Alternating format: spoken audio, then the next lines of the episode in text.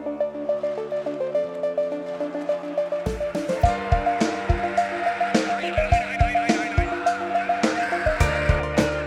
lytter til Rød Aalborg, en podcast om OB udgivet af OB Support Klub i samarbejde med Arbejdernes Landsbank.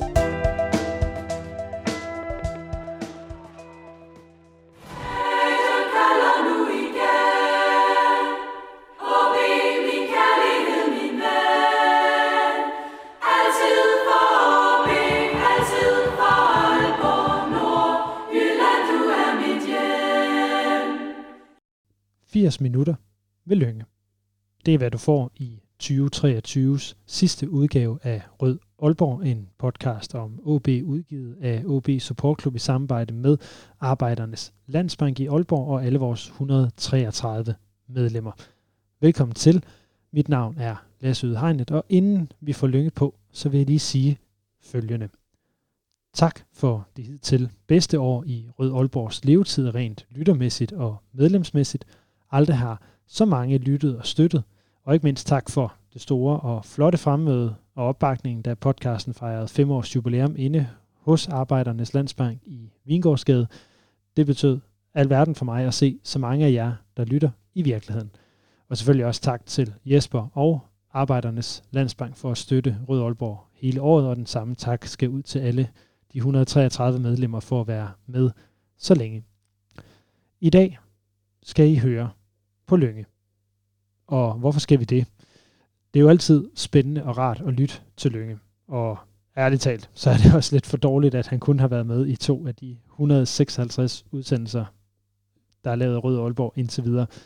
Men jeg gerne vil bruge Lønge med omtanke, og det, som har betydet noget for mig i den her samtale, det var, at vi skulle prøve at tale om noget så stort som OB's ånd.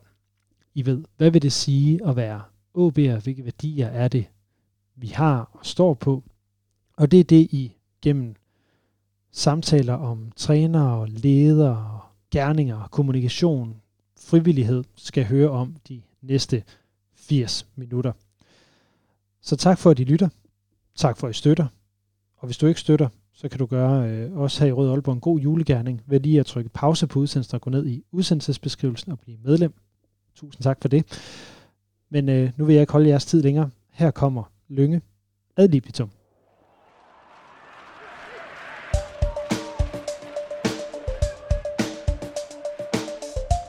Mit navn er Lønge Jacobsen, og du lytter lige nu til Rød Aalborg. Lønge, velkommen øh, til bestyrelseslokalet i OB 1885, hvor du Tak har, skal du have. du har, øh, jeg tror du er mere hjemmevandt heroppe, end, øh, end jeg er i virkeligheden. Jeg må sige, at jeg har været her tit. Ja, du er lige mikrofon sætter på. Vi starter allerede nu med, øh, med den mikrofon der. Ja. Øhm, ja. Og øh, tak for, at du vil være med øh, igen efter øh, en øh, ellers god aften inde på, på Arbejdernes øh, Landsbank her for, for nylig. Det bliver nogle af de samme spørgsmål i dag. Det bliver nogle øh, nye spørgsmål, fordi at jeg er jo også kommet til at tænke lidt på baggrund af nogle af de ting, du, øh, du fortalte videre derinde. Men øh, først og fremmest, øh, hvordan går det? Det går fint. Jeg har det godt. Jeg er, selvom vi tabte i går, så er jeg faktisk sådan godt tilpas og synes, at man er privilegeret menneske, når man har den situation, som jeg og min kære hustru har. Det lyder godt. Og øh, nu startede jeg med sidst, vi var sammen og, og, og talte sammen og spørge, hvordan det er at se OB i første division. Øh, vi tabte, som du nævnte, til Hobro i går. Vi sidder her og taler sammen den 27. november. Øh, ja, hvordan er det at se OB i første division, når man så også ligefrem øh, taber en kamp i første division? Jamen altså, nu synes jeg efterhånden, vi sådan ligesom har vendt os til det. Men jeg kan godt forstå, det er nogle af mine tidligere kollegaer i Superligaen, når de var rykket ned, og jeg mødte dem. Det kunne være AGF, det kunne være Viborg, det kunne være andre. Når de fortalte mig, Lyng, jeg håber aldrig, I kommer ud for det, fordi det er en helt anden verden at spille i det, der nu hedder Nordic Big Ligaen. Og øhm, det er vi nødt til at, at, at sige, det er det. Men det, der er helt utroligt flot, det er jo den opbakning, som der er ude på stadion. Fordi det ligner jo ikke et, øh, lad os så kalde det første division, i stedet for at sidde og sige Nordic Bæk Liga hele tiden. Det ligner jo ikke et første divisionshold.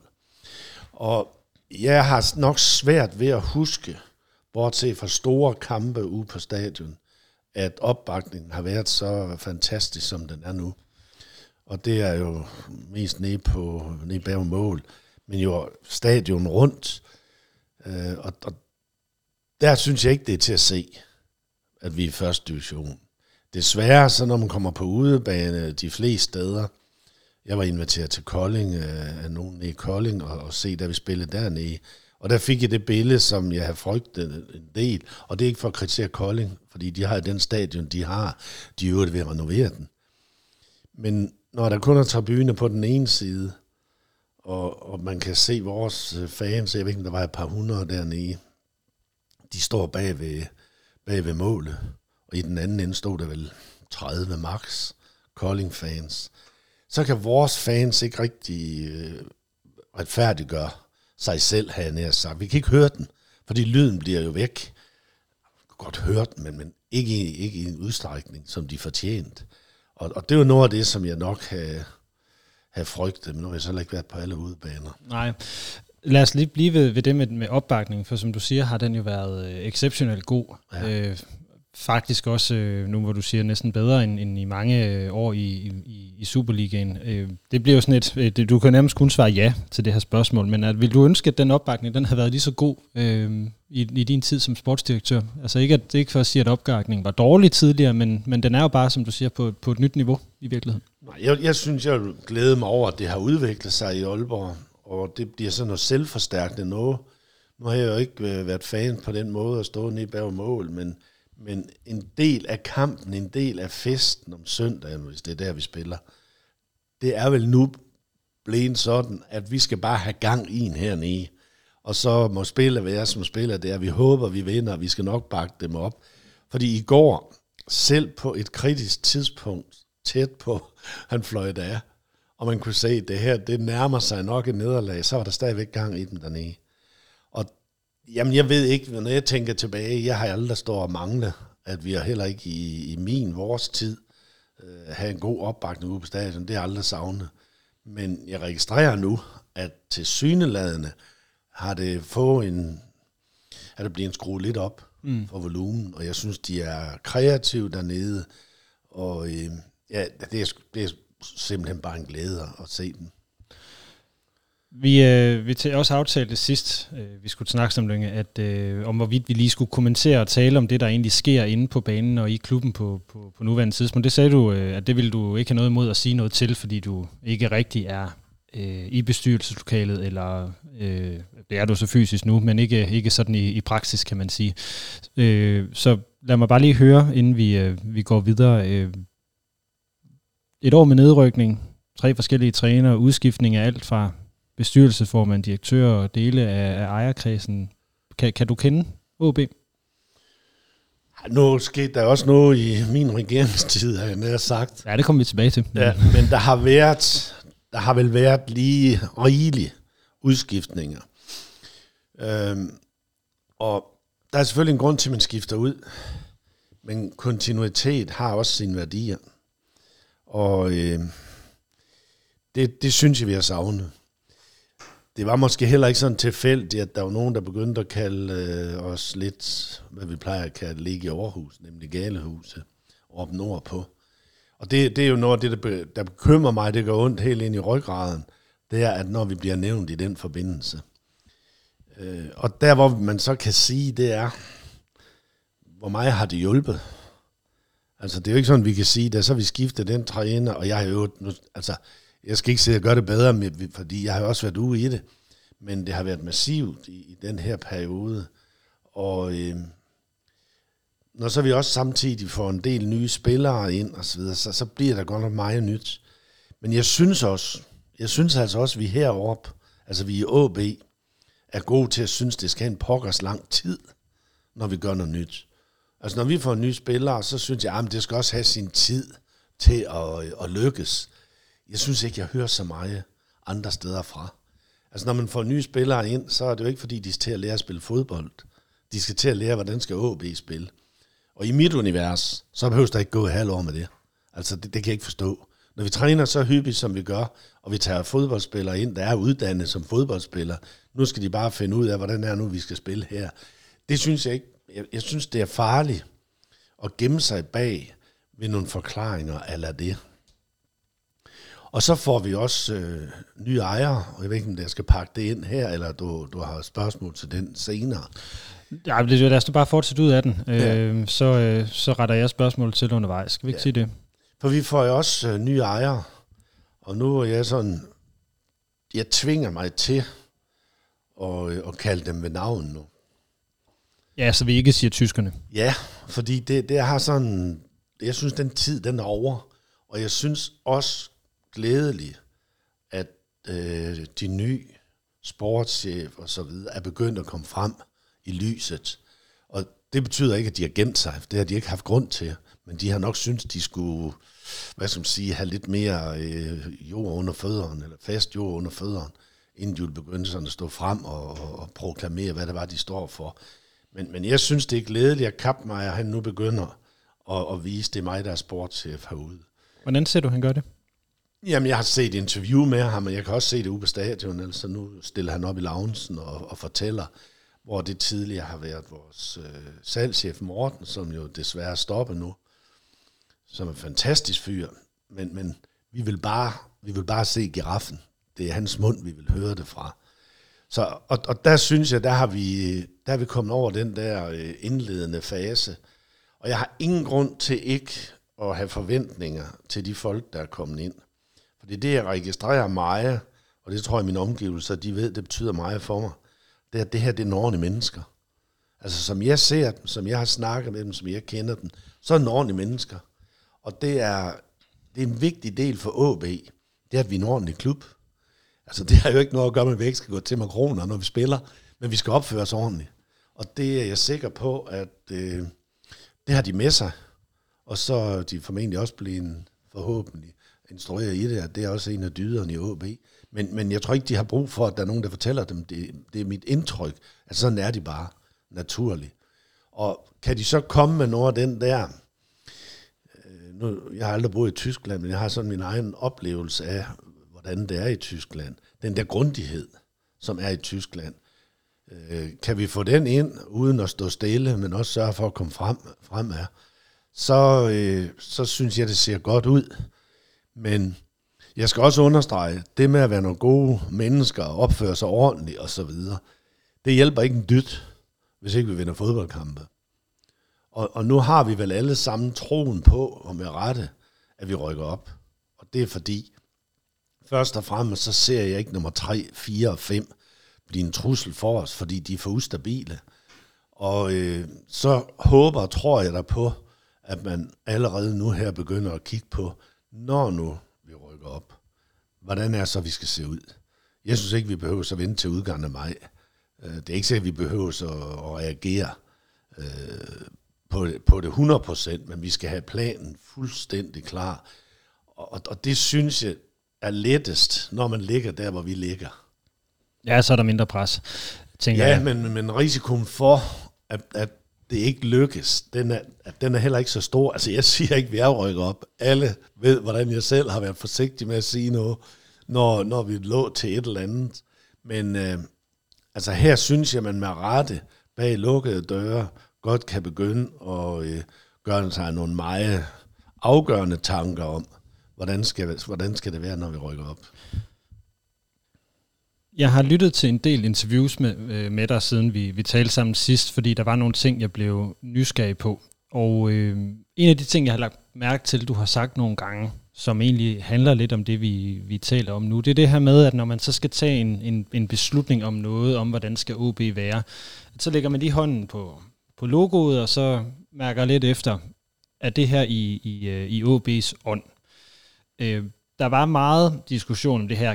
Kan vi få udenlandske ejere? Kan vi tale engelsk, når vi repræsenterer klubben? Vi er jo en, en klub fra 1885, der er i, meget nordjysk. Den har ikke flyttet sig mere end tre gange, og så den altså højst flyttet sig 6 km fra, øh, fra de træningsbaner, man startede på øh, i øvrigt, hvor de lå, hvor du, øh, hvor du voksede op som barn.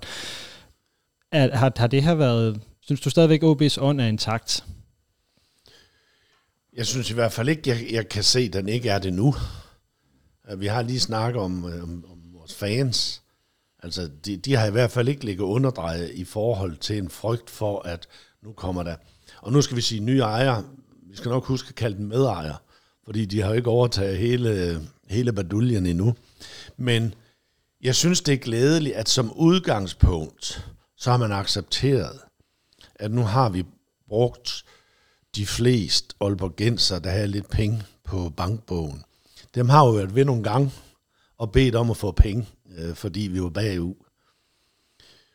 Og det kunne man så ikke blive ved med.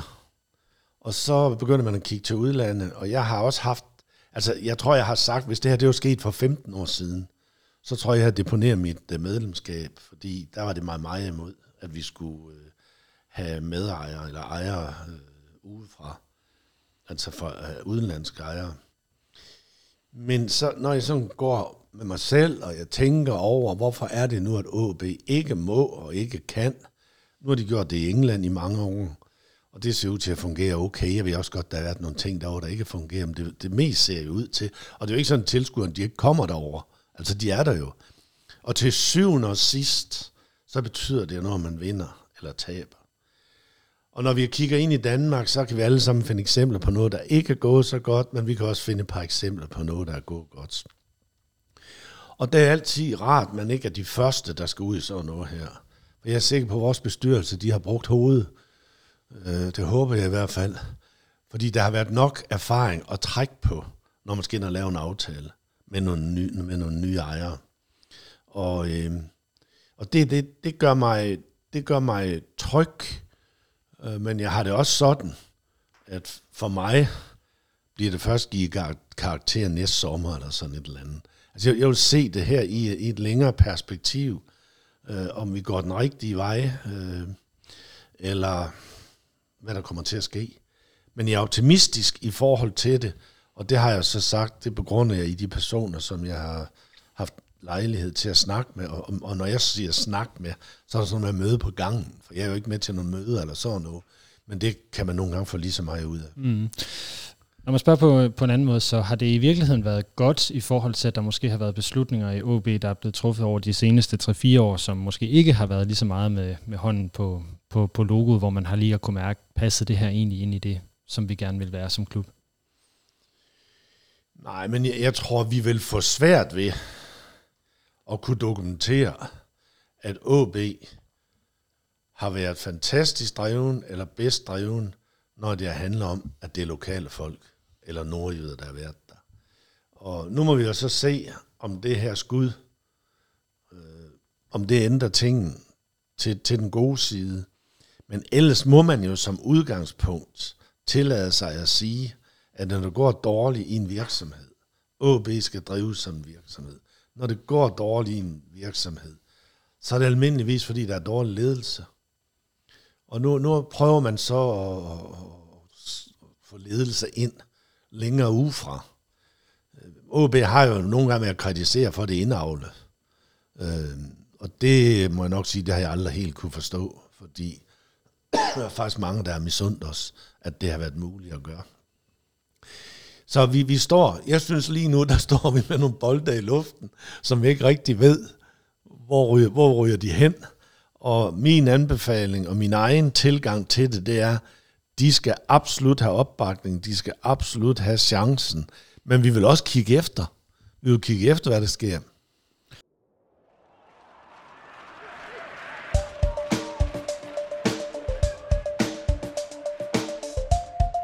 Mit navn er Paul Andreasen. Du lytter til Rød Aalborg. Så lad os, øh, lad os stykke videre ned i, øh, i et andet lag, og øh, der går vi lidt mere hen til det, som vi talte om øh, inde på Arbejdernes øh, Landsbank til, øh, til den her femårs jubilæumssnak. Øh, for der er nogle ting, jeg har, jeg har tænkt over, så der er nogle spørgsmål, der, der kommer tilbage, og øh, som du har fået før, og, og også øh, nogle historier, som du har fortalt før, men som, øh, som jeg gerne vil høre igen, og som øh, jeg gerne vil spørge lidt ind til. Øh, og det er lidt inde med den der OB-ånd, jeg gerne vil, vil prøve at komme omkring. Altså det med, hvad er OB for en størrelse, hvad er det for en klub? Og en af de ting, som du også ofte fortæller om, det er jo det, som Ståle gjorde, da Ståle kom til OB. Altså han løftede loftet her. Øhm, så selvom det, du har fortalt den før, hvad var det Ståle, han kunne og gjorde, da han, øh, da han kom ind i OB? Jamen, Ståle er jo, Ståle er jo specielt, og øhm, det var jo hans eksempel som, som fik os til at snakke om, at, at det er godt at få nogen ind, som fylder i terrænet. Fordi nu har jeg været inde på, at vi skal opføre os ordentligt. Det, der findes der også en grænse for, Altså, vi skal heller ikke være tossegode og, og så videre. Men Ståle satte jo sin egen forventninger højt, og forventningerne til klubben var tilsvarende høje fra hans side. Og, øh, og det, det kom jo til udtryk på mange måder. Altså, han, han orkede ikke slendrian under træningen. Nu kan det lyde som om, der altid har været slendrian. Det har der ikke. Men der er selvfølgelig dage, hvor der er mere tænding på end andre. Og jeg tror, Ståles tilgang, den er, at vi skal være her alligevel, så skal vi ikke bare give en, en over nakken. Og øh, han reagerede jo også, hvis vi har tabt en fodboldkamp, og vi kom i bussen. Og nogle af øh, de yngre spillere, de var i gang med deres telefon, for med nogle kammerater, måske hvor de skulle mødes hen, når de kom hjem, og så videre. Det accepterer Ståle jo heller ikke. Altså som spiller vågede han og bede dem om at pakke de telefoner sammen, og så vi nærmest skulle sidde i bussen og sidde og skamme os over, at vi har tabt 2-1 til Lyngby derovre. Øhm, og og nu, nu er det så på en spillers, spillers side. Vi kan også tage det på, på træners side, fordi der har vi også haft en Erik Hamrin, som da han kommer ind i klubben, han er også med til at ændre nogle ting. Frem for alt var han, hans tilgang til tingene, det var, når vi har besluttet noget, så gør vi det hver dag, indtil vi beslutter os, for det gør vi ikke mere. Altså Erik, altså den, det bliver lidt naivt nogle gange, men det er alligevel gode eksempler. Hans havregrød er han jo blevet meget kendt for. Og det fik vi også, når vi var på træningslejr. Vi fik det også, når vi spillede europæisk. Fordi, hvorfor skulle vi have havregrød hjem, hvis ikke vi skal have det, når vi er på træningslejr, eller vi spiller europæisk? Og det, vi er nede i småtingsafdeling, men det er bare gode eksempler på, at, at os, der er i det, har godt af en gang imellem, specielt også fordi vi har været her så lang tid, nogen af os, vi har godt af lige blive strammet op. Øh, for ellers så kan vi godt ligge og, og, og rode på samme niveau, selvom øh, vi ikke var blevet så gamle, eller hvad. Og, og der, der har vi haft nogle typer, som var rigtig gode. Jeg kunne også tage Bort Borgersen, jeg kunne tage øh, Sarenpæ og, og nogle stykker andre, også nogle af de danske. Øh, vi, vi skal huske, at vi så også har haft nogle, nogle andre typer, men som har betydet utrolig meget for OB. Søren Frederiksen og... Øh, hvad fanden hedder han? Så ja. skulle ikke spørge, hvornår havde du ham, så kan det være, at jeg kunne hjælpe dig med ja. at komme i tanke om Ja, navnet. men, men, Ej, jeg tænker, du vil også vil nævne Jeppe Kurt i den omgang. Ja, men det, ja. Nogle gange så smutter de der navne, fordi de nok har haft så mange af dem. Men, men nogle af de der typer, som så var med til noget andet, de var med til at gøre os til den klub, som jeg egentlig gerne ser, hvor vi, hvor vi sådan sender nogle gode signaler. Vi er også glade, og, og vi er tilpas, og, og, og, og fodbold er jo trods alt også, selvom vi er børsnoteret selskab, så er, må der godt være lidt leg i det stadigvæk, for ellers så synes det bliver for trist at se på. Mm. Så, og vi har jo haft, så får vi nogle kunstnere ind, som Nomvede og så videre. Så mange har givet forskellige aftryk. Øh, men jeg tror, hvis man er åben, så er det godt at få noget input ind udefra. Og nu kan vi så sige, for lige at vende tilbage til, til de nye medejere, at nu får vi i hvert fald nyt input på ledelsesgangen. Og så håber jeg, at, øh, at de kan være med til at sige, at vi har for nu at være åbne, det er for en størrelse, den skal vi nok forsøge at, at, beskytte. Vi ved, hvad Nordjylland det er for noget at forsøge at, at vide det. Men, kære venner, vi har også nogle idéer med, sådan at det hele det kommer til at gå op i en højere enhed. Det var lidt om det her med, at med Ståle, der fik taget noget ansvar. Du vil også gerne have ham tilbage til klubben som træner øh, en, en øh, fire år efter, at han øh, var gået ud af, øh, jeg ved ikke lige, om det var det her kontor, men øh, en af de her, den her bygning i hvert fald, hvor I ikke lige var super glade for hinanden. Det var faktisk lige nøjagtigt herinde. Det var lige nøjagtigt herinde. kan du stadigvæk høre et ekko fra, øh, fra nogle norske gloser, der, der Nej, det kan jeg ikke. Fordi det var mig, der fik taletiden. Men øh, det betyder ikke, at altså, det kan du heller ikke forestille dig, at Ståle bare lagde sig ned. Ej, det har jeg svært ved at Men forestille jeg tror, det var mig, der lige den dag havde, havde behov for at fortælle, hvordan jeg havde det, mm. og hvordan jeg synes, det var. Men altså, Ståle er Ståle, og jeg er mig, og vi har senere hen jævnlig kontakt med hinanden. Og det er selvfølgelig, fordi jeg vil kalde os to professionelle mennesker, som bare fandt ud af, at der var noget, vi ikke var enige i, og det fik vi så fortalt hinanden. Alligevel vil du så gerne have ham tilbage til klubben som træner, øh, som jeg lige husker det, så er det fire år, øh, fire, tre et halvt, fire år efter, øh, efter I har siddet herinde, og, og du har haft taletid. Øh, hvad var det, du gerne ville have tilbage? Jamen, når, når man skal have ny træner, det er jo en af de, synes jeg, svære beslutninger. Hvis ikke den, man lige vil have, er lige for, og vi bare kan tage ind ad døren. Fordi for en sportschef og for en klub, der synes jeg, at træneren er den vigtigste person. Hvis jeg har en dygtig træner, som selvfølgelig får resultater, men også udvikler spillerne, det sidste er jo meget vigtigt. Altså det er den dyreste post, vi overhovedet har i huset. Det er spillerbudgettet. Og derfor så skal vi have en person, der kan, der kan tage hånd om det spillermateriale, vi har, få resultater og få udvikling ud af den. Og jeg har hele tiden haft det sådan, når vi skal have nye ny træner. Hvad har vi i Danmark? Punkt 1. Har vi den danske træner, som vi gerne vil have? Og det har jo aldrig været svært at pege på en. Men det har været svært at få fat i den, fordi de har været et andet sted. Og hvis de har været i en af de store klubber i Danmark, øh, hvorfor skulle de så lige, hvis ikke vi stod med en større punkt end den, de havde i forvejen? Så, så det, det kunne godt være vanskeligt. Og så har det altid været Norden, jeg først og fremmest har, har kigget efter. Og det måtte også gerne være noget nyt. Altså jeg har mine kontakter rundt omkring, og jeg kan godt lide at høre andres mening. Så når vi skulle hen og træner, og og det var Norge og Sverige, jeg gik ud fra, efter jeg havde ligesom opgivet at, at få en dansk træner. Jeg så ringer de der kontakter og siger, hvis nu øh, vi skal vide, hvem er de bedste træner i Sverige lige nu, hvem, hvem er det, der står højest? Jeg går sgu ikke rundt og ser svensk kampe hver søndag eller et eller andet. Og så fik jeg nogle navn. Så kunne jeg gøre det samme op i Norge. Men så kunne jeg også godt sige til mig selv, hvad med Ståle? Hvor, hvor, hvorfor kunne det ikke egentlig være Ståle? Fordi nogle af dem, jeg får nævnt, det er nogle unge fremadstræbende træner. Ståle var jo oppe i Hamkamp på det tidspunkt. Og øh, jeg vidste, hvad han, hvad han stod for. Og vi havde nogle møder. Og, og Ståle stiller ikke op til tre-fire møder, eller hvor lang tid vi havde, øh, eller hvor mange gange vi, vi mødtes, og snakke om det her. Så der var en idé i det.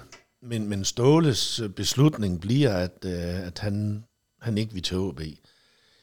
Jeg skal lige understrege, bare lige for, at der ikke er nogen derude, der nu misforstår, hvad, hvad Ståles tilgang var. Han stiller ikke op til snak med mig, hvis ikke AB var en mulighed. Altså det, det skal jeg lige sige, fordi jeg synes, hans afgang gjorde, at der var mange, der kom til at bedømme ham forkert, frem for at huske, hvad han bidrag med i, i vores gode periode. Men lad nu den ligge. Øhm, men Ståle vælger til sidst at sige, det er ikke godt, Lyngde. Jeg, jeg, jeg kan mærke, at det ikke er godt. Jeg tror, der er for lavt til loftet i Aalborg. Og, og dengang kunne jeg, ligesom nogle fans, måske godt blive lidt småsur på ham, og hvad mente han egentlig med det? Men når jeg så har set ham i FCK og som træner derovre, og, og også i Køln og så videre, så er jeg fuldstændig enig med ham. Der var for, for lavt til loftet i Aalborg på den måde. Det handler ikke om, om, om øh, hvad skal man sige, om, om mennesken i Nordjylland. Det handler også om, hvad muligheder OB, altså han kunne se, vi havde. Og han, han kendte jo sådan nogenlunde til, hvor vi lå henne i, med muligheder for at tiltrække spillere og så videre. Og set i bagspejlet, så i dag vil jeg sige, at jeg tror, han var lidt klogere, end jeg var. Jeg var meget for hippe på at få ham, men jeg kan godt se bagefter, at det kunne godt have endt øh, i noget, hvor vi ikke kunne efterleve det, som Ståle han gerne ville. For Ståle er vinder. Han vil vinde. Og derfor var det bedst for ham jo også. Når du snakker danske klubber, så var det at komme til FCK. Hvordan var det at få at vide, at øh, der var ja, for lavt til, til loftet, som du sagde det før? Du blev måske lidt, øh, lidt, lidt sur, for det er jo også en påmindelse om, hvor man, hvem man er, og hvor man er henne.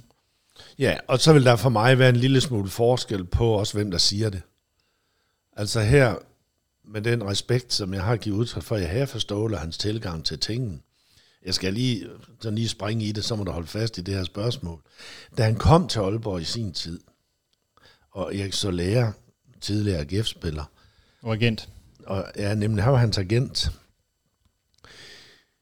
Og de kommer over på mit kontor som aftalt, og så spørger Ståle mig, og vi kendte jo ikke hinanden på det tidspunkt, er der et sted, jeg er klædet om, fordi jeg behøver ikke være med i den snak her, jeg vil gerne have lov til at træne. Og så gik han over klædt om, og så kan jeg godt se ud af vinduet, han løb rundt om, om banen herude, jeg aldrig oplevet før. Men, men det understreger også bare, at der var han også, lad os så kalde det anderledes, end de fleste. Og han havde jeg selvfølgelig instrueret, Fordi der tror jeg også, han styrer, han styrer showet. Han havde jo instrueret Erik i, hvor det var, og vi havde jo også prøvet hinanden inden de kom, det er logisk. Så det tog egentlig ikke så lang tid at blive enige, og jeg synes, vi fik fuld valuta for penge. Mm. Nej, det var så tilbage til det med, med, øh, med den her følelse, man får af at få det at vide. Altså, at det, bliver det sådan noget, der sådan def, sidder og definerer din måde at tænke på OB på, at nu, nu har vi faktisk en, jeg vil næsten godt kalde ham en klubmand, fordi han holdt meget af OB, det ved jeg, øh, som siger nej, fordi vi kan ikke komme højt nok op. At det, det, det er sådan en defineringsting, eller er det noget, som er med til at fortælle os, hvor er det, vi... Jeg vil ikke sige, at vi hører til, fordi vi vil jo gerne op og vinde og, og være nummer et i Danmark, men hvad, hvad betyder det for sådan noget ved? Jamen altså, jeg, jeg, jeg vil jo stadigvæk sige, at der er forskel på, hvem der fortæller dig det. Øh, var det nu en spiller fra Viborg, for ikke at nedgøre Viborg, eller Silkeborg, eller AGF, eller nogle af dem, vi sådan sammenligner os med, eller føler, vi i hvert fald ikke er mindre end, så ville jeg sagt, okay, hvor har du så lige fået den fra? Men Ståles forventninger til sig selv og til fodboldlivet, det var så højt, og vi har selv haft gavn af det. Og jeg vil sige, at, at det fortæller jo måske meget om Ståles mening om AB. Jeg tør ikke kalde det kærlighed, fordi det har jeg ikke hørt ham sige, men lad så mig bruge det. Det var, det ville han ikke risikere. Han ville ikke risikere at komme til AB, og så kunne vi ikke indfri hinandens forventninger, og så bliver det til en dødsejler. Jeg tror også, det er den, der spiller ind for ham, at det vil jeg ikke våge. Hvis jeg skal ud og, og, og stå på egen ben og stræbe efter øh, himlen og så videre, så skal det være andet sted. Det, øh, det bliver sådan en god brug over til at tale om øh, en, en, en af de andre personer, du allerede har nævnt, nemlig øh, Erik Kamren, som jo også var med til at løfte øh, OB. Øh, det var så pudsigt nok ham, der kom ind i stedet for Ståle på, på daværende tidspunkt, så det var jo meget godt set, kan man sige. Øh, der har jo måske været en lignende situation øh, for Erik, der kom tilbage sidste år, øh, hvor det jo ikke gik, som nogen, nogen drømte om i virkeligheden. Øh, du, du, du kiggede på udefra i den periode. Jeg er sikker på, at du har talt Erik om, hvordan det var at være her. Hvordan, hvordan var det at kigge på, på netop en person, som øh, OB betyder meget for? At, øh, jeg synes, at det, det var synd for begge parter, at det endte, som det gjorde. Øh, og risikoen, den lå der fra starten. Altså, jeg kunne godt være bekymret for, om det var det rigtige. Fordi folks forventninger til Erik, min egen, de er naturligvis store. Og det var jo ikke fordi, at vi på det tidspunkt synes vi var et rigtig, rigtig godt sted med ret meget. Og, og så er det, det er meget menneskeligt at se en redningsplanke i Erik. Og Erik gør det, fordi han har kærlighed til OB. Det, det behøver jeg ikke at, at være i tvivl om. Han gør det meget, fordi okay. Jeg tror, jeg kunne se en samme risiko som, som jeg så, og som mange kunne se i øvrigt. Det behøver vi ikke være professor for, for at, at kunne se det for os. Så det spøgelse, det var der. Og desværre trådte spøgelse jo med al sin magt ud af skabet, og øh, det kom til at gå dårligt. Det er heldigvis mit indtryk, at Eriks plads i OB ikke er blevet mindre. Lad os så sige, at der kom riser i det fordi det, det, det, det her, det skete. Men jeg tror, at de fleste vil, vil forstå og acceptere, at Erik var et andet sted, end da han var i OB, og OB var frem for alt også et andet sted, end da han var i OB. Og derfor så er det ligesom, man siger, okay, det, det kunne man måske også have frygt, at det var sådan, det ville gå. Men det, jeg, synes, jeg synes, det var synd for OB, jeg synes, det var synd for Erik, at, at vi skulle have den med. Og jeg har jo tidligere og det tror jeg heller ikke, jeg, jeg gør noget, noget skade ud af. jeg tog, tog Peter Rudbæk tilbage. Og det gjorde jeg helt stensikkert ud fra, at vi har brug for at komme tilbage på sporet, og Peter kunne være den rigtige. Jeg kendte Peter, og vidste, hvad han stod for, og, og så videre, og så videre. Og det gør jeg jo egentlig halvanden år før, han skal tiltræde. I hvert fald et år før. Og øh, det var, set i bagspejle, så var det også en fejl af både Peter og OB.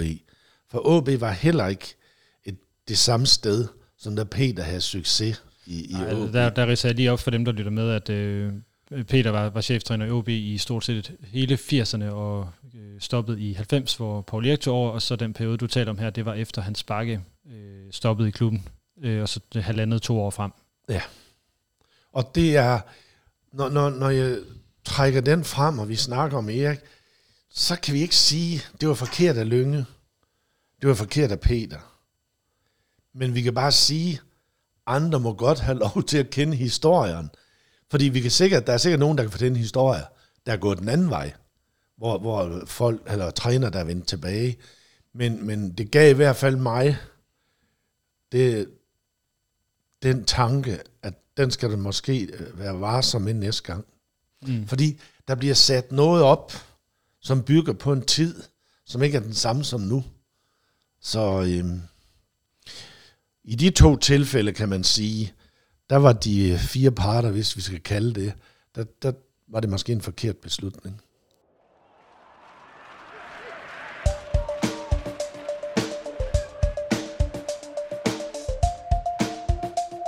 Mit navn er Jimmy Nielsen. Du lytter til Rød Aalborg.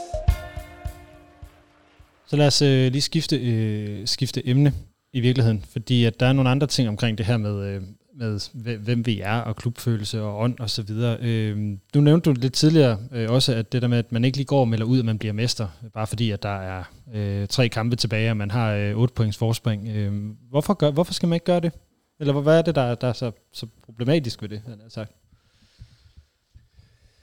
Altså, jeg ved ikke, om man kan sige, det er ikke nordjysk, fordi jeg kan også godt høre nu, Sjællænder og Københavner og så videre, de begyndte at sige det samme, at vi tager en kamp ad gangen. Men det er jo frygten for, at vi kommer til at læne os tilbage 14 dage for tidligt. Det, det er sådan frygten for, at der heller ikke bliver noget med ha, ha, ha på et eller andet tidspunkt. Og så er det til syvende og sidst også noget, der hedder fodbold. Og vi kan finde masse af eksempler på, hvor fodbold går anderledes, end al logik siger. Uh, ikke så meget, jeg kender nogen, der har ført med 8 point med tre kampe tilbage, og de ikke er blevet mester. Men, men bare nogen, hvor, hvor man kan sige, hvordan, hvordan kunne det her egentlig ske? Og så har jeg også nogle gange haft det sådan. Jeg kunne nævne FC Midtjylland. Ja, det kunne man godt. Men jeg har også nogle gange haft det sådan, at jeg vil ikke, jeg vil ikke ledes af, at nogen skal bestemme, når jeg skal sige hvad. Altså journalister, der siger, Nå, Lønge, nu er I favorit til mesterskabet. Det kan godt ske, at vi er favorit. Jamen, du må da indrømme, det kan da ikke gå galt. Selvfølgelig kan det gå galt. Altså, hvis jeg skulle have sagt det, så ville jeg have sagt det, uden at der er nogen, der skulle lede mig derhen. Så et, til sidst blev det vel også en lille smule show mellem journalisterne og jeg. Men spilleren var jo med på den samme. Og grundlæggende, så mener jeg, at den største risici for en træner, en sportschef, en spillertrup, det er, at vi begynder at regne ud, når der er 11 kampe tilbage, hvor mange point man skal have for at nå sit mål, og dit og dat.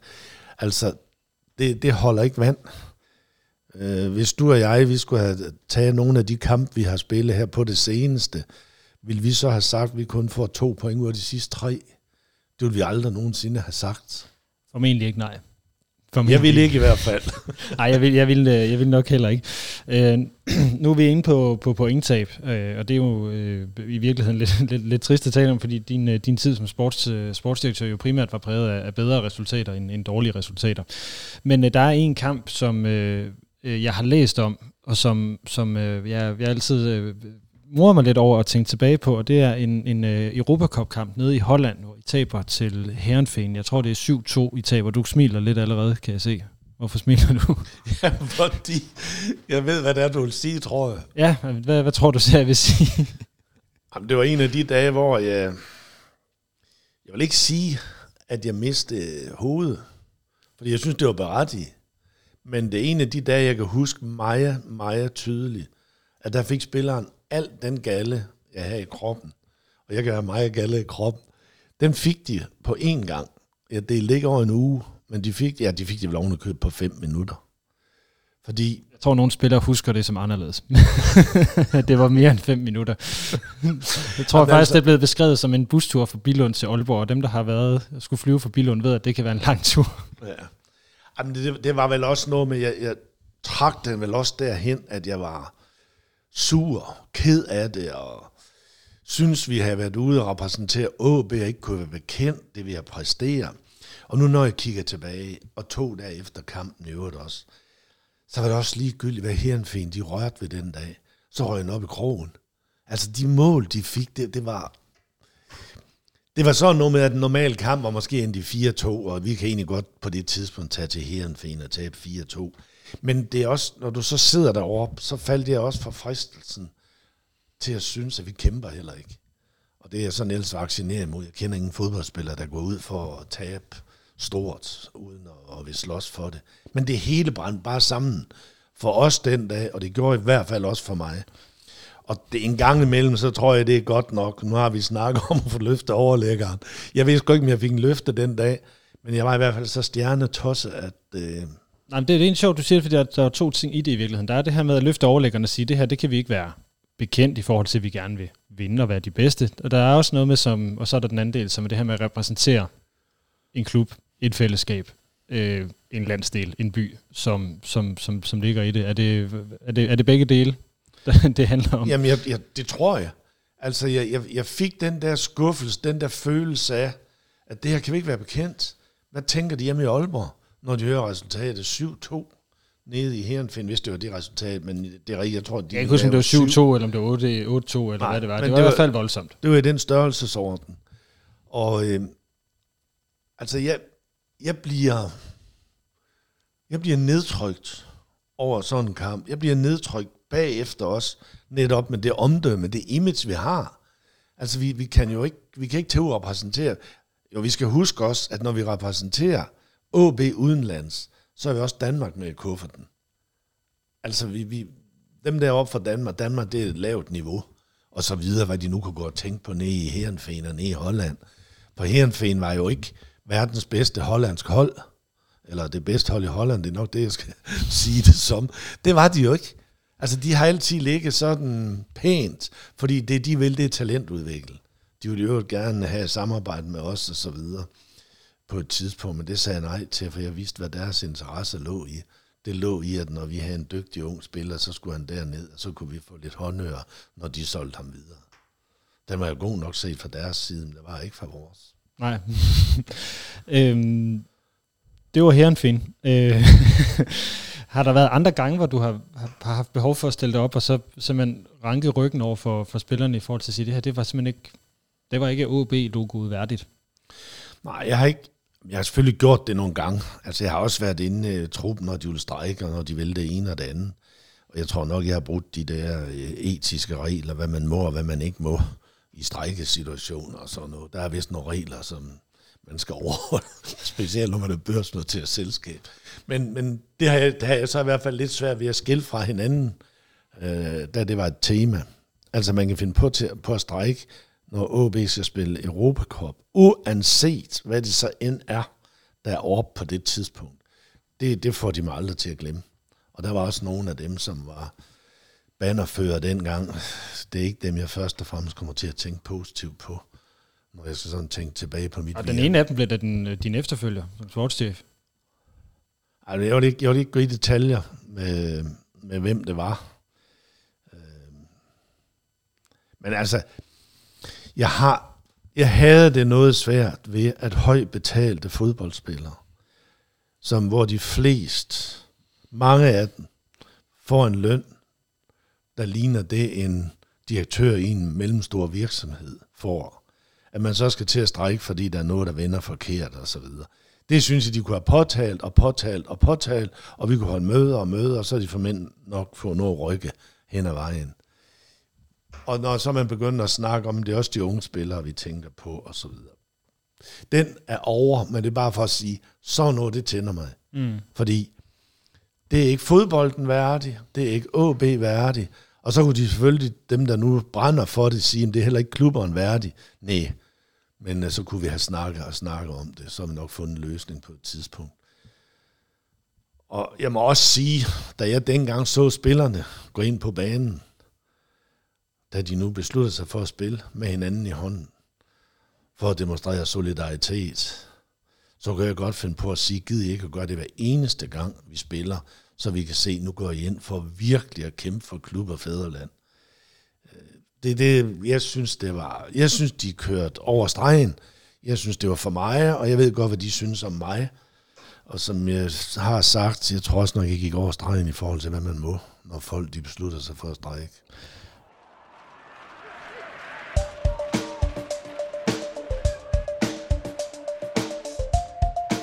Mit navn er Ip Simonsen, du lytter til Rød Aalborg.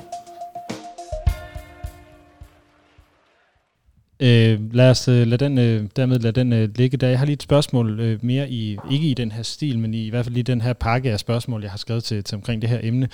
Øh, det var også et spørgsmål, jeg havde til dig inde på, på Arbejdernes Landsbank. Øh, det har jo lige været sæson for legendetrøjer, hvis man har Hummel som øh, sponsor. Det har OB ikke i øjeblikket, der har man øh, Macron fra Italien.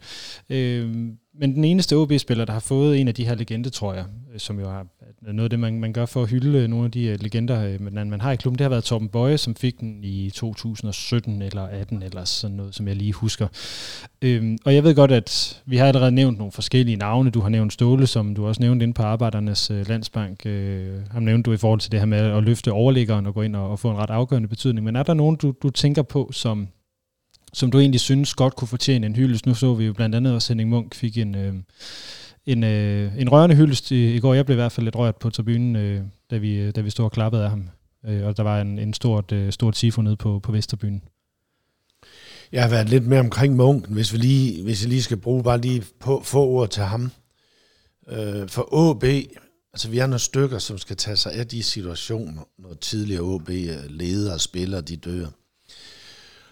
Og øh, det er vigtigt for AB, altså igen for at demonstrere, hvad vi er for en klub, at vi også ser på de, der spillede her engang, eller der var her engang, og det kan lige så godt være ledere, som det kan være spillere. Og når øh, Munken så går bort, og vi begynder at kigge på, hvad er det egentlig, han har præsteret. Altså, hvad var hans karriereforløb? Jeg ved sgu også godt, at han gik i Frederikshavn på et tidspunkt.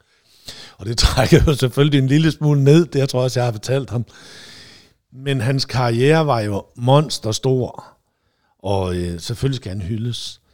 Når så vi kommer til de der nulevende, så, så har jeg altid svært ved det, fordi jeg ved, jeg kommer til at glemme nogen. Ja, det ved jeg godt, du vil sige. Så, ja. så det var det var når jeg stiller dig spørgsmål igen, er det netop ikke for, at nogen skal glemmes, øh, eller at risiko, det er med viden om, at risikoen er der for, at der, der er nogen, som ikke får den, øh, den hyldest, de, de måske bør få. Så, så øh, med det, det forbehold. Men vi kan, vi kan jo alligevel sige, at når jeg så har taget forbehold, så er der heller ikke nogen, der føler sig udenfor. Men det er jo typer som Augo. Altså Augo fandt jo en eller anden rolle i AB, og vi begyndte at snakke om, eller folk begyndte at snakke om Augo-effekten. Og, og, og de typer, du kan tage Wirtz med, og vi kan tage tidligere Jens Jessen og hele det hold næsten, der bliver mester i 95, det er dem, der sådan er med til at, at, at gøre OB til noget særligt, og de opfører sig ordentligt, og når de bliver interviewet og så videre. Og det betyder ikke, at det ikke går til ståle ude på banen. For når jeg siger 95, så kan jeg også godt finde et par stykker, som gik til ståle. Jeg tror, vi kunne finde 11. Men, men, men det er de typer, jeg synes, der, der gør OB ære. Og så skal vi huske, nu har vi nævnt Ståle, vi har også haft nogle andre stykker, udenlandsspillere, der er kommet ind, som også har gjort OB store ære. Og grundlæggende kan vi selvfølgelig sige, at alle, der spiller på AB's bedste hold, og som præsterer og så videre ude på stadion, de har gjort AB ære. Men der er bare nogen, jeg ved ikke, vi skal kalde den, men nogen, der, der stikker lidt mere ud end andre. Og også nogen, altså når jeg tænker på min tid, så er der selvfølgelig spillere, der har betydet mere for mig i mit virke, end for andre. Og som jeg engang imellem også godt kunne finde på at kalde ind og sige, øh, prøv lige at høre, hvad sker der egentlig, hvis vi går til højre, og hvad sker der, hvis vi går til venstre? Ikke i forhold til holdudtagelse eller hvem jeg skulle tage ind, men det kunne være nogle andre holdninger, vi skulle give udtryk for, hvor er vi egentlig, vi er på vej hen. Og, og det, det synes jeg, man skal. Altså, det er sådan noget helt andet. Altså øh, medarbejderinddragelse, det tror jeg, der mange virksomheder, de vil sige, at det er moderne i dag. Så, så det har jeg ikke holdt mig tilbage fra. Og øh, jamen altså, når vi tager jo som Mertovak, altså, når, når der kommer en spiller til AB, der gør vores fans, vores sponsorer og os selv glade, så er det fordi, de, de, de har et eller andet, som flertallet ikke har. Øh, Bort Borgersen var jo en fantastisk personlighed, det er ikke sikkert, at alle vil huske ham som den bedste stopper, vi har haft, men man husker ham som en spiller, der ikke var problemer med, og som vi altid vidste, han er der. Og han opførte sig altid ordentligt og familiemæssigt og så videre. Så, og, og jeg kan jo nævne mange, men jeg håber, alle dem, jeg så ikke får nævnt, de ved, hvad, hvad det er for en kasse, jeg snakker om. Mm. Øh, jeg har også lagt mærke til, når vi taler om det her, så ender det alt, øh, ikke alt, men det ender ofte med at være nogle af de spillere, som jo selvfølgelig har betydet noget i forhold til, at man vandt nogle medaljer, eller man kom ud og spille Europa. Nu har vi nævnt Ståle, vi har nævnt Josu, du har nævnt Augo. Det er jo, øh, Og vi kunne tage Rigsgaard med også. Nu kommer jeg lige til at tænke på Rigsgaard, ikke? Altså, publikum elsker ham jo. Sang sange om ham, og når jeg siger publikum, så er vores fans. Og, og for AB er det vigtigt, at vi er spillere, som også tager fansen om hjertet, hvis det, man kan sige det så fornemt. Det er det, vi lever af. Mm. Men det er egentlig en meget god overgang til det, jeg egentlig også gerne vil, vil, vil hen til her. Ikke? Fordi nu har vi talt om nogle spillere, der har vundet mesterskaber og spillet europæisk fodbold, og, øh, og, og som har været her inden for de seneste 30 år, altså min, min, øh, min egen levetid. Så jeg er jo så privilegeret, at jeg kan huske dem. Der er jo nogen, jeg ikke kan, kan huske, i hvert fald ikke være inde på, på banen med en rødhvidstribet tøj på. Øh, Der er selv inklusiv Munken. Øh, det kunne være Ove Flint, det kunne være en Kjeld Tors, det kunne være en Søren Larsen. Øh, Harbo Larsen. Det, der kunne være mange øh, navne, man, man, man kunne nævne. Hvor, hvor ligger de i forhold til, til nogle af de, øh, de spillere, som, som du har nævnt nu, i, i forhold til det her tale om, hvem er det, der har, har tegnet klubben? Hvem er det, der har inkarneret det, som, som du synes, vi, nu siger vi står for? Der tror jeg, jeg skal læne mig en lille smule af, når jeg er udenbys. Når jeg er sammen med nogen fra andre klubber. Hvis, hvis nu de sådan snakker om deres, hvis de er på min alder, så snakker de også om deres egen karriere. Og hvem var det så for AB, man var bekymret for, når man spillede mod? Hvem var det, man havde at spille over for, og så videre. Uanset om de var bekymret eller havde, så ved jeg godt, så er det nogle af dem, der har gjort det godt for, for vores klub. Men, men altså, du har jo nævnt, du har jo nævnt nogle af dem. Altså, vi har jo en, haft en målmand, vi har haft et par stykker, Kurt Winter og Kai Poulsen. Kai Poulsen blev jo også legende på sin tid, og fik jo også nogle landskamper. Senere bliver han inspektør på AB, og der ved jeg i hvert fald, når vi snakker 95-holdet og så videre, de havde meget stor glæde af, at Kai han var herude. Når jeg har talt med dem, de nævnte det alle sammen fuldstændig. Altså, ude- de skulle ikke engang spørge os om det. De nævnte Kai og hans, hans kone Betty, som, Ja. som var, var meget afgørende. Så det her med, der var nogen, noget med at være klubmand. Det var bare en Kjeld Torst også, der gik ud og blev træner øh, i en periode. Øh, Henning Munk var også ude og være, være, være træner øh, for, for klubben. Så du har selv været i en, i en, i en sportslig rolle. Børge Bak har været en sportslig rolle. Ham har vi ikke engang nævnt. Det er jo egentlig forbløffende i virkeligheden. Skal der være noget... Skal man komme ind og have en rolle bagefter? Er, er, er, er det noget af det, der, der også er, er, væsentligt? Nej, men, men altså jeg må sige, i, i mit pas, der hvor jeg sådan bemærker, det er nogen, der også vil noget i OB. Nu kan man så sige, der er også forskel på nogle af os, der er lønnet, og, men jeg mener også, at jeg har lavet mit frivillige arbejde. Men jeg ser gerne, at man i hvert fald gør et eller andet for os at gøre noget i OB, når en gang man er færdig. Og jeg ved godt, tiderne de nu er anderledes. Men, men, men det ser jeg gerne. Vi ser jo i dag en Carsten Simonsen, som, øh, som er øh, meget aktiv med at være formand for vennerne og så videre. Jeg vil sige målmand i 70'erne og målmandstræner i starten af 90'erne. Ja. Manden, der lærte Jimmy Nielsen at kaste sig til højre. Ja. Nå, okay. Det kunne jeg ikke engang huske. Men så har der været Harbo Larsen og flere, som også har, har været inde om, omkring tingen. Og øhm, der kan også være der kan også være nogen, der synes, jamen ham, der, ham så vi ikke efter, at han, han sluttede. Men hvem er, hvem er så årsag til det? Er det vedkommende? Eller er det klubben, der ikke har forsøgt at, at få ham ind? Fordi nogen har jo lidt svært ved at komme herud og på Hornevej og så sige, har I brug for mig, så vil jeg gerne være med. Øhm, så det er ikke sådan, man kan sige, det altid ligger ved, ved, ved personerne. Det kan også ligge ved, om klubben har været åben over for det. Og nu nævner du Børge Bak. Børge Bak er jo, det er jo ikke tilfældigt, det hedder Børge Bakhuset. Nej, det skulle jeg lige til at sige. Og, og Børge har jeg arbejdet sammen med meget tæt i mange år. Og, og Børge, altså, når jeg, når jeg synes, jeg kan snakke om, hvad OB det er for en størrelse, og hvad vi skal, når vi har med OB at gøre, og så videre, så kunne Børge ikke bare snakke om det. Han kunne også vise det. Fordi Børge var, altså, jeg synes, han var fantastisk. Hvad var det, han så gjorde? Er der, er der et eksempel, hvor du Jamen, det han for eksempel gjorde ved mig, Altså han ringede først til mig på et tidspunkt og, og siger, at øh, der er for mig at lave her ulykke. Det var efter 95-sæsonen og Champions League. Der var Børge og Birte til at styre det show. Og når man tænker på det, de har simpelthen arbejdet mere end 24 timer i døgnet. De har haft jæklens travlt, som nogen vil sige. Øhm, og han ringer til mig og spørger, om det kunne være noget for mig, og så videre, og så videre. Og det var jo en ny, en ny stilling. Så det var sådan et spørgsmål om at klappe Børge i to stykker. Og jeg synes, Børge gør noget unikt. Han var jo sportsmand, skal vi lige huske også. Men han valgte sporten fra. Om det skyldes, at det var fordi, det var det, han synes, jeg bedst kunne klare, og det var mig, han ville have, eller fordi Børge vi passe på klubben ved at tage sig af den økonomiske del, og den del derovre. Det, det har jeg vel egentlig aldrig fået spurgt ham om. Men det unikke, det var fra dag et, hvor jeg kom, der var jeg sportschef. Og Børge var der, hvis jeg havde brug for hjælp, og han har selvfølgelig nok også introduceret mig omkring nogle ting. Men han, han magtede at trække sig væk fra det mest interessante, som i hvert fald jeg har set det. Øh, og, og jeg er sikker på, at Børge har gjort det ud fra et overblik over, hvad AB bedst stillet med lige nu. Jeg tør ikke at lade nogen gå ind og tage sig af den vigtigste del, vi har på økonomidelen, nemlig vores sponsorer. Dem vil jeg nu have mere tid til. Jeg skal have nogle flere øh, penge i kassen og så videre, og så kunne jeg få lov til at bruge den. Og det unikke, det er, at Børge og jeg er ligestillet over for bestyrelsen. Og hvis jeg skal sige det meget groft, så var det mig, der skulle bruge penge, og Børge, der skulle skaffe dem. Og jeg synes, at den første del var den mest interessante. Men selvfølgelig snakker vi om det. Men, og jeg har kun ganske få gange haft Børge på nakken.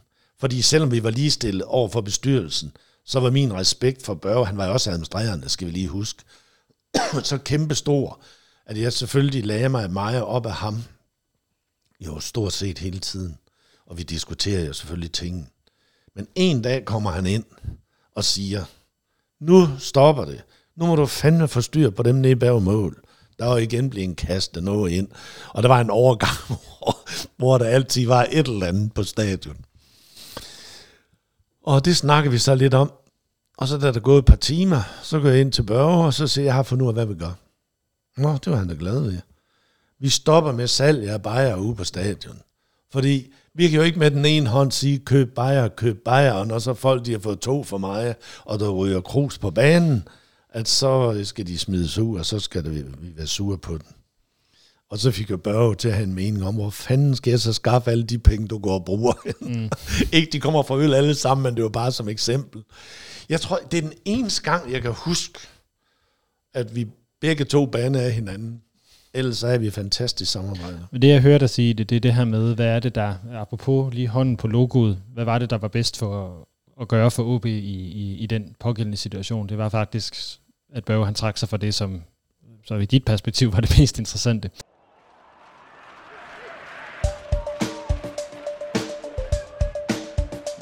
Mit navn er Henning Munk Jensen.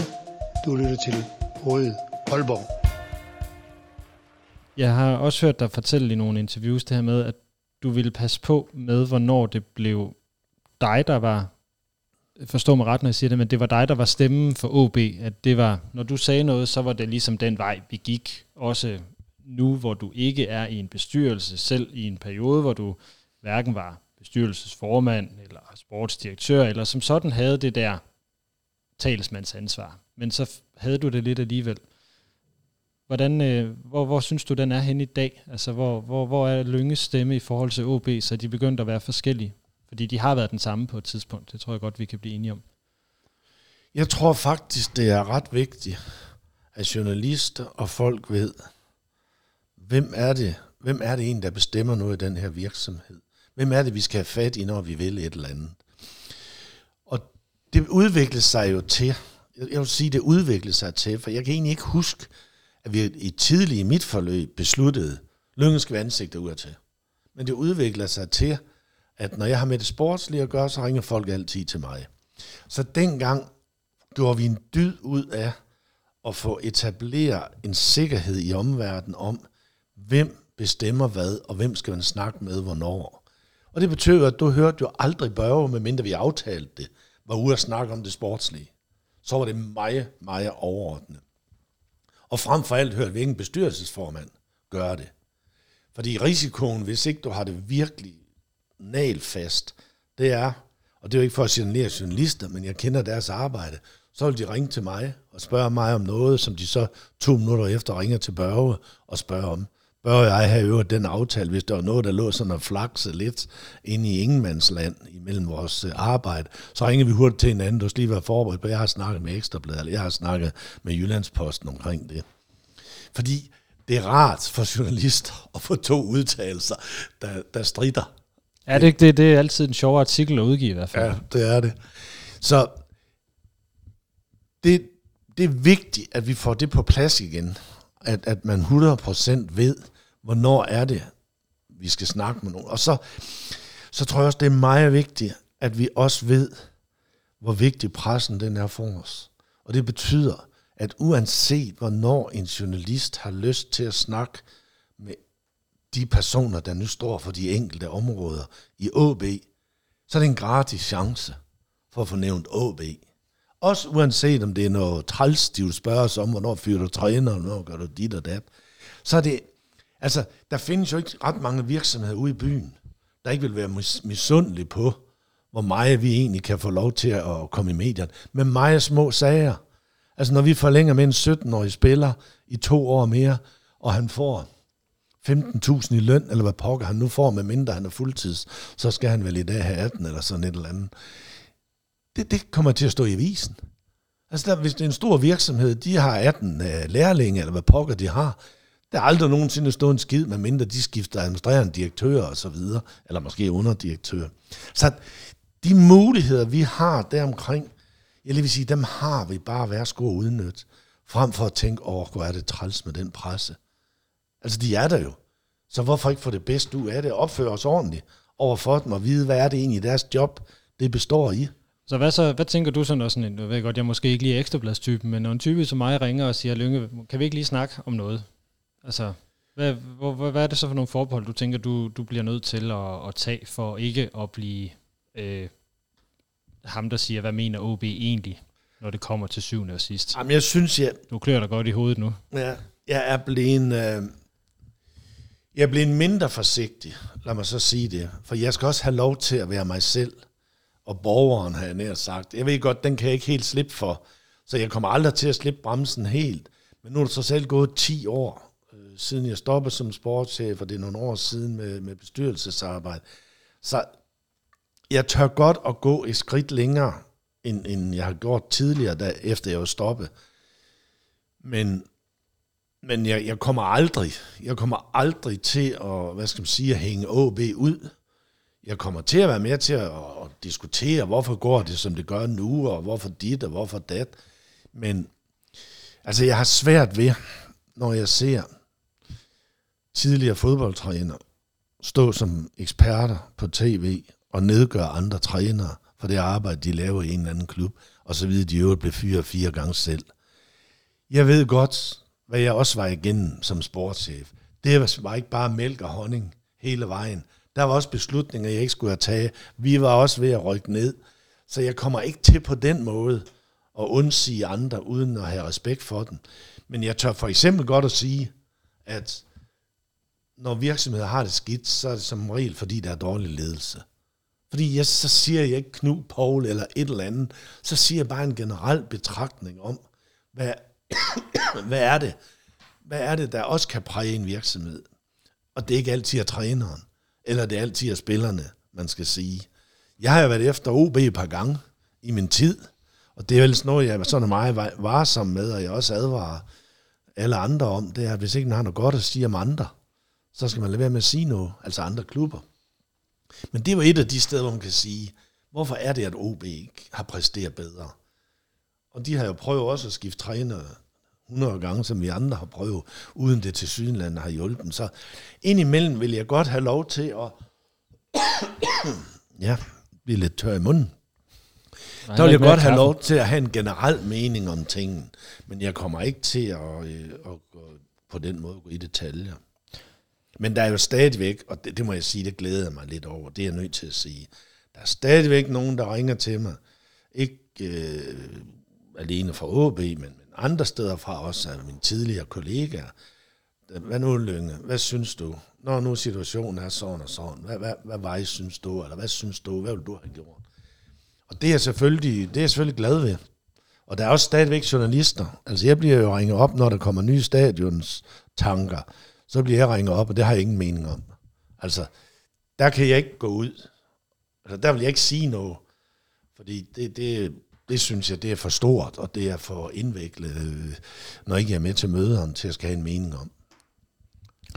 Så hvor lang tid vil du tage telefonen, når folk de bliver ved med at ringe? Jamen, det gør jeg altid. Min kone synes godt nok, at tiden er kommet til, at om ikke jeg skal til at lade være. Men, men jeg har den tilgang til det, at jeg sorterer på, hvad det er. Og jeg vil vide 100%, inden jeg skal ud, hvis det er pressen, hvad det handler om. Og I skal vide, at jeg siger ikke noget om, om nuværende AB, jeg siger noget om sådan og sådan, eller vil kun gå dertil. Så er banen ligesom kridtet af, så behøver jeg ikke at, at få noget spørgsmål, ikke? Øh, som jeg har sagt, det vil jeg ikke. Men jeg tager også stadigvæk ud, hvis jeg kan glæde nogen ved at tage ud og snakke en lille smule om, om min tid i OB. Men jeg vil heller ikke blive sådan, hvad skal man sige, en gammel, træt cirkushest. Fordi jeg kan jo ikke, jeg kan, jeg kan ikke komme med nye historier. Altså jeg kan ikke lave min historie om. Og når det er den, de vil høre noget om, så bliver det lidt den samme. Og jeg synes stadigvæk, jeg har energi til at, at være tydelig. Men jeg kender andre, som bliver ved og bliver ved og bliver ved. Og til sidst, så bliver det simpelthen for mig. Og det, det bliver kunsten for mig. Det er en dag at sige, nu slutter det. Og den dag kommer, hvor de sidder og sover. Øh, jeg kan se, at de har træt øjenlåg, når jeg står og snakker eller et eller andet. Men ellers så synes jeg, at jeg stadigvæk smitter en lille smule af på AB, hvis jeg stiller op øh, i en hvad hedder menighedsråd, som skal have menighedsrådsvalg, og de godt have ved, at jeg kommer, så tror jeg, at der kommer nogle flere. Og, og der har jeg sådan en tilgang. Jamen, dem der menighedsråd, de er lige så frivillige, som mange er ude på AB. Og, og hvis jeg kan bidrage med noget, sådan at dagen bliver lettere for dem, det er den ene del, og den anden, den er, jamen jeg ved jo ikke, hvem de er gift med. Det kan være, de er gift med en direktør et eller andet sted for en stor virksomhed. Og hvis OB gør det godt og stiller op, og ikke bliver for kostbare, ja, så kan det være, at det bliver kastet noget af på et eller andet tidspunkt. Så jeg har, den dimension har jeg også med. Og jeg skal lige hilse at sige, det er altså ikke, fordi jeg bliver rig af. Nej, det er så i orden.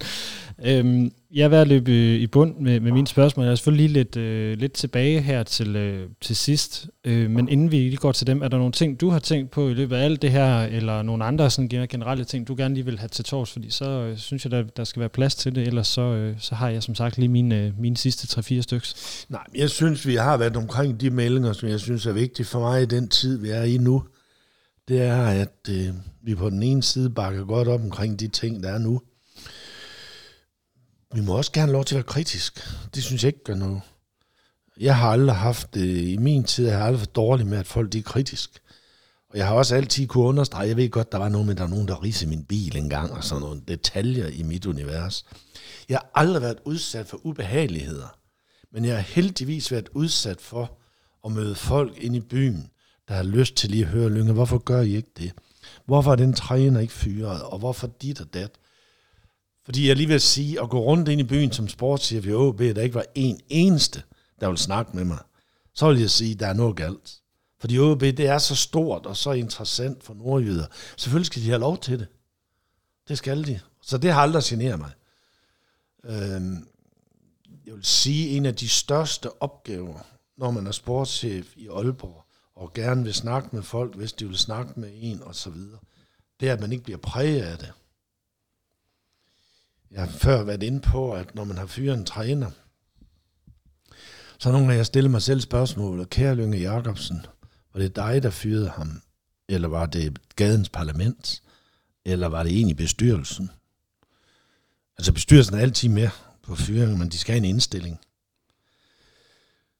Fordi de, nede bag mål, jeg siger altid nede bag mål, jeg ved godt, der er fans hele, hele stadion rundt, men det er nu i slang, jeg har oparbejdet, og det er også der, der er mest gang i, må vi nok sige. Ja, men de kan være lige så sure på den billige langside. Ja, ja. Men er det dem, der starter? Og når jeg så går ind i byen med min kære hustru, og jeg får spørgsmålet, skal den træner ikke snart fyres? Er det hans skyld, det går så dårligt, hvis vi har haft dårlige perioder? Var jeg kommet til at tænke på det lige så tidligt, som de omgivelser? Og når sådan nogle sponsorer, selvom jeg vil nu sige, at de opfører sig altid ordentligt også, Lønge, øh, har jeg overvejet en trænerfyring? Altså, jeg får den jo en masse hver evig eneste dag. Jeg kan oven købe høre på tv, nu odds det laves for, at det er OB, der fyrer træner først i år, og så videre. Og så på et eller andet tidspunkt, så bliver min indstilling til bestyrelsen, jeg synes, vi skal skifte. Det kan også være, det par bestyrelsen, der har sagt noget hen ad vejen, og sagt, hvad skal vi til at overveje noget, eller hvad. Så der, der skal man virkelig, virkelig passe på, som, som sportschef, eller i den, for den sags skyld sikkert eller andre offentlige personer, at man holder fast i, hvad er det egentlig for en beslutning, jeg tager nu, og er det den rigtige? Både for af hensyn til den træner, vi har, men også i forhold til, øh, til klubbens.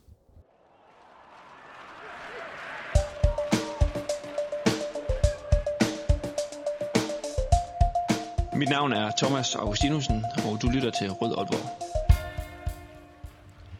Så de, de sidste spørgsmål, øh, jeg har med her, det går egentlig lidt, lidt over på, på, øh, på noget af det, du siger, han, når, når der begynder at komme nogen, der taler negativt om klubben. Det er også et, et af de der citater, jeg tror, du er blevet øh, taget til indsigt for på et tidspunkt med, at, at øh, du bliver hissig, når der er nogen, der nedgør OB eller taler grimt om, om, om klubben. Øh, hvor, hvorfor tager du det så nært? Jeg, jeg kan i hvert fald sige, at jeg tænder på det. Fordi det lettest vil jeg ofte være at sige, at det er fint nok. Tak for din mening. Fordi Lønge siger også, kan det let komme til at være. Mm. Lønge var også enig, hvis ikke, hvis ikke jeg, jeg går imod det. Og jeg, jeg har lyst til at udvide folks horisont, hvad det angår, eller fortælle en anden sandhed, end den de måske går rundt med. Øh, Jeg har da ofte også beskyttet spillere omkring historier om, at han gør sådan, og hvorfor dit, og hvorfor dat. Og så har jeg måske bagefter undersøgt, om der var noget i, i det, der blev sagt. Men nu har vi, vi snakket så meget om ambassadører for klubben. Hvis ikke klubbens sportschef, som oven i køb er den, man ser hyppigst på tv, og som udtaler sig hyppigst, fordi det gør jeg jo. Ja, der var engang en journalist, der sagde til mig et års tid eller to, før jeg stoppede, at jeg faktisk var den nordjyde, der var flest spalter om i avisen. Noget, jeg aldrig har tænkt over. Og det er jo ikke, fordi det er lønge. Det er, fordi jeg er boss for OB, eller sportschef i OB, som er så ultra interessant.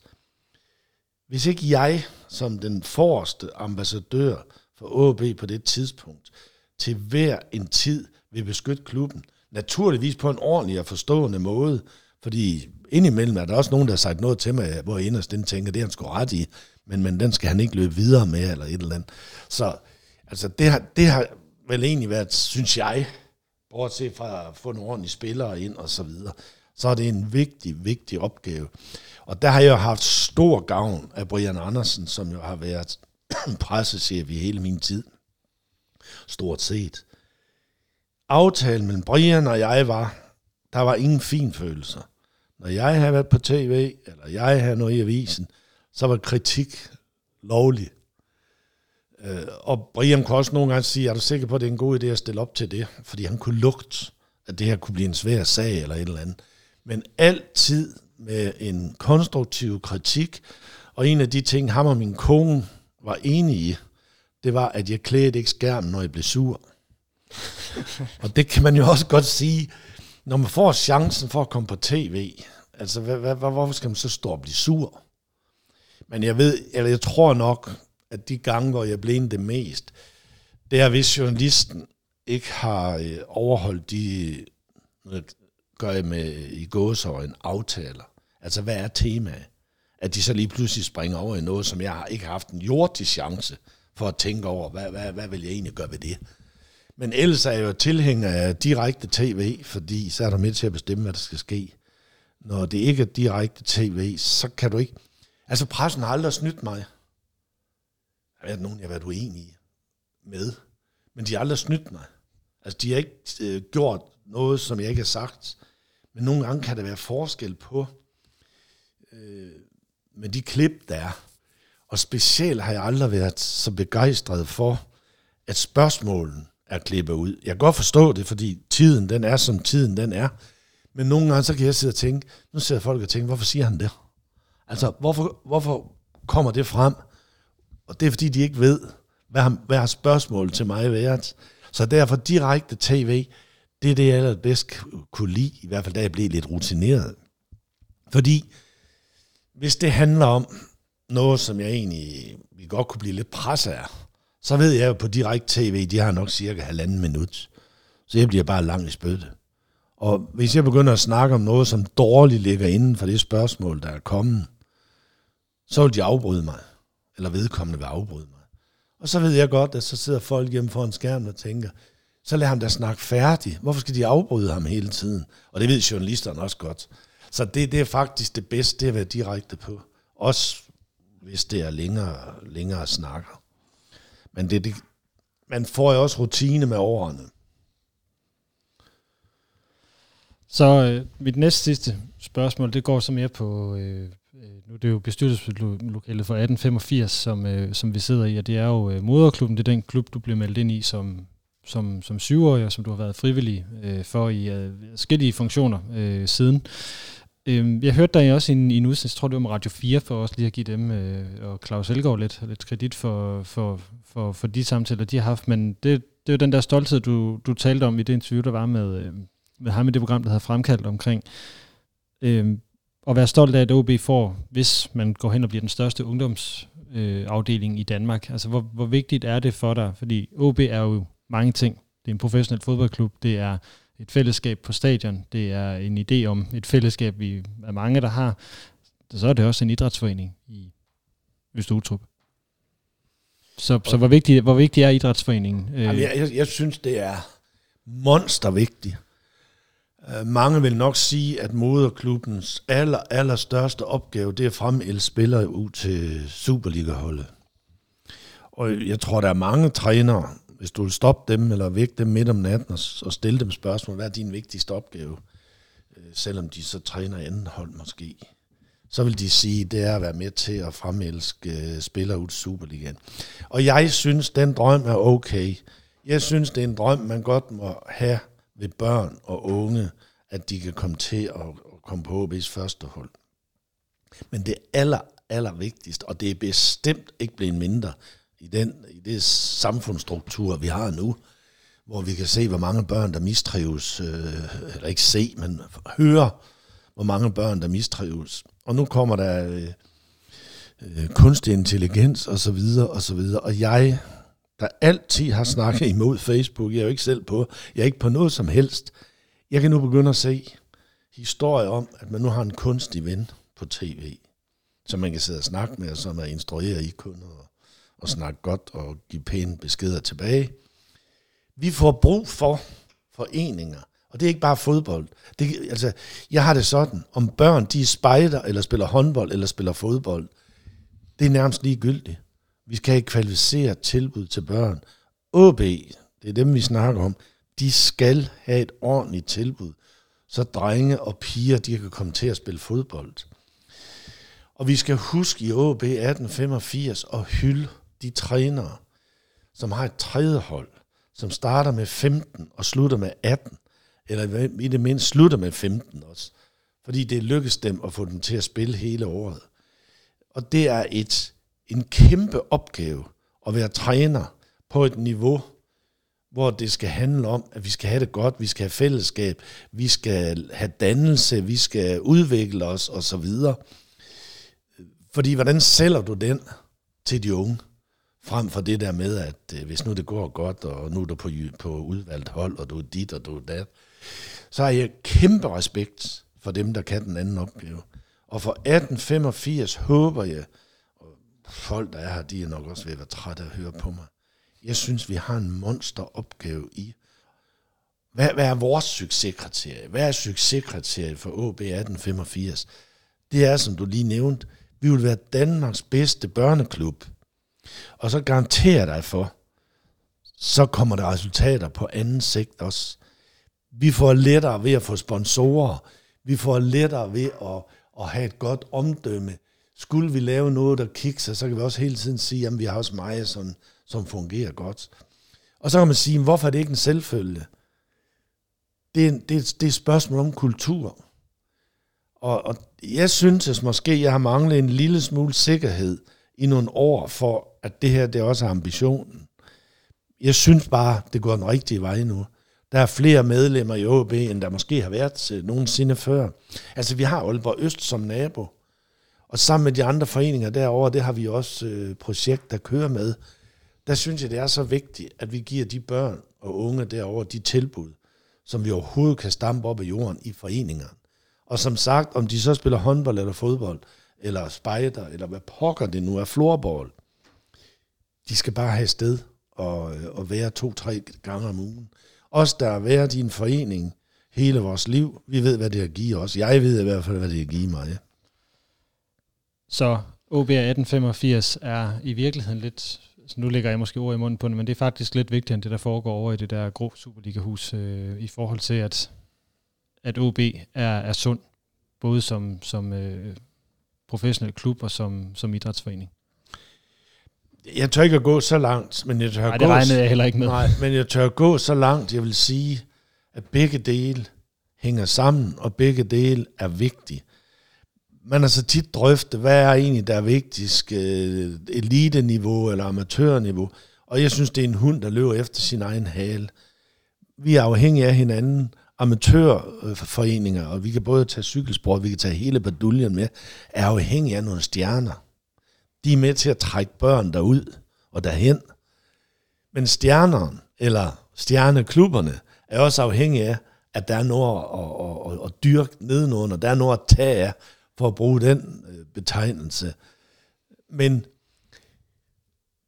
det vigtige, det er, at vi ved, det er de få, der er elite, og det er de rigtig, rigtig mange, der er noget andet. Så samfundsmæssigt, så kan man godt begynde at tage diskussionen, men vi ender alligevel med, at det skal hænge sammen. Fordi, hvorfor er der nogle idrætsgrene, som klarer sig bedre end andre? Fordi det er der stjernerne der er. Det er der trækkraften er. Det er der tv er. Det er der journalisterne, de er mest, og der er mest beskrivelse omkring.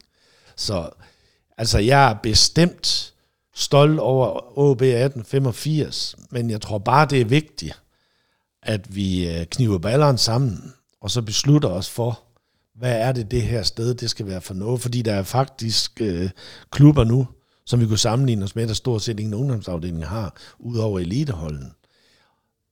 Og, og det vil gøre mig ondt, hvis det sker for AB.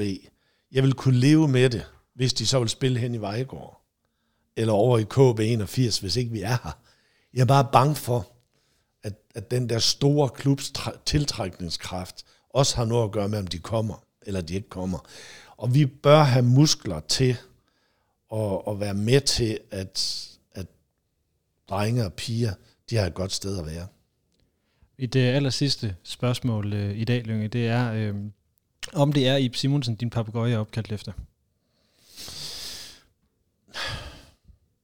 Jeg tror det faktisk ikke. Snakker altså, det ikke lige meget? Nå, så tror jeg, at han skulle have Lønge. uh, jeg, jeg, kan, jeg, kan ikke rigtig, jeg kan ikke rigtig huske det. Jeg tror bare, vi var lidt forud for vores tid. For i dag, nu går jeg lidt op i travløb også, der havde hesten også Børge, og de har jo også fået Heidi og så videre. De har fået sådan navn, og mange hun har jo også fået et eller andet drengenavn eller pigenavn. Jeg er ikke sikker på, jeg er ikke sikker på, det er Ib Simonsen, men, men jeg vil ikke afvise det. Jeg kan bare ikke huske det. Altså, du skal lige huske, at han er 38 år, så det er fandme længe siden. Så det kan faktisk ikke være Ib, når vi, når vi snakker Nej, det kan det, den fakt- måde. det kan det faktisk ikke. Og jeg kan heller ikke sige, at det er en i vores familie. Jeg tror bare, det er fordi, at det er let, det er et let navn for fuglen selv at sige, og det kan han jo også. Ja, det er Men han kan også sige både Josefine og Mathilde, som vores børnebørn hedder. Så vi, er, vi kunne godt have taget andet navn til ham.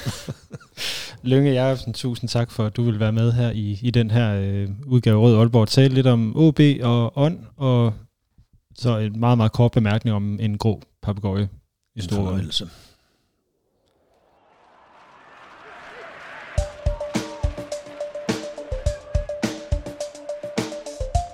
Mit navn er Lønge Jacobsen, og du lytter lige nu til Rød Aalborg. Det var altså 80 minutter med Lønge Jacobsen, og nu er vi gået ind i overtiden af årets sidste udgave af Rød Aalborg. Jeg startede med at sige tak, og det vil jeg lige gøre igen. Tak for, at I har lyttet mere end 83.000 gange i år. Tak for, at I har støttet 133 af jer over det meste af året. Jeg drømmer om, at vi når 150 i løbet af 2024's første måneder, og det kan godt være dig, der lytter med nu, som er en af dem. Det er bare lige ned i udsendelsesbeskrivelsen og find linket, og så skum ind og meld dig til. Tak til Arbejdernes Landsbank i Vingårdsgade for et godt og tillidsfuldt samarbejde, og ikke mindst to gode aftener inde i banken i Vingårdsgade, først i forbindelse med den ærgerlige nedrykning, og siden i forbindelse med podcastens fem års jubilæum. Vi glæder os til flere arrangementer på AL sammen med alle jer, der lytter med. Tak til OB Support Club, der nu på 6. år udgiver en podcast om OB. Sammen er vi alle sammen OB. Tak for nu. Tak for 2023. Må I alle sammen have en rigtig god jul og et godt nytår. Forza OB.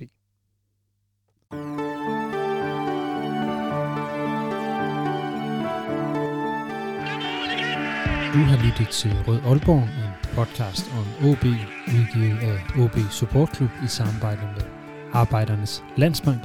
Din vært var Lasse Yde Hegnet.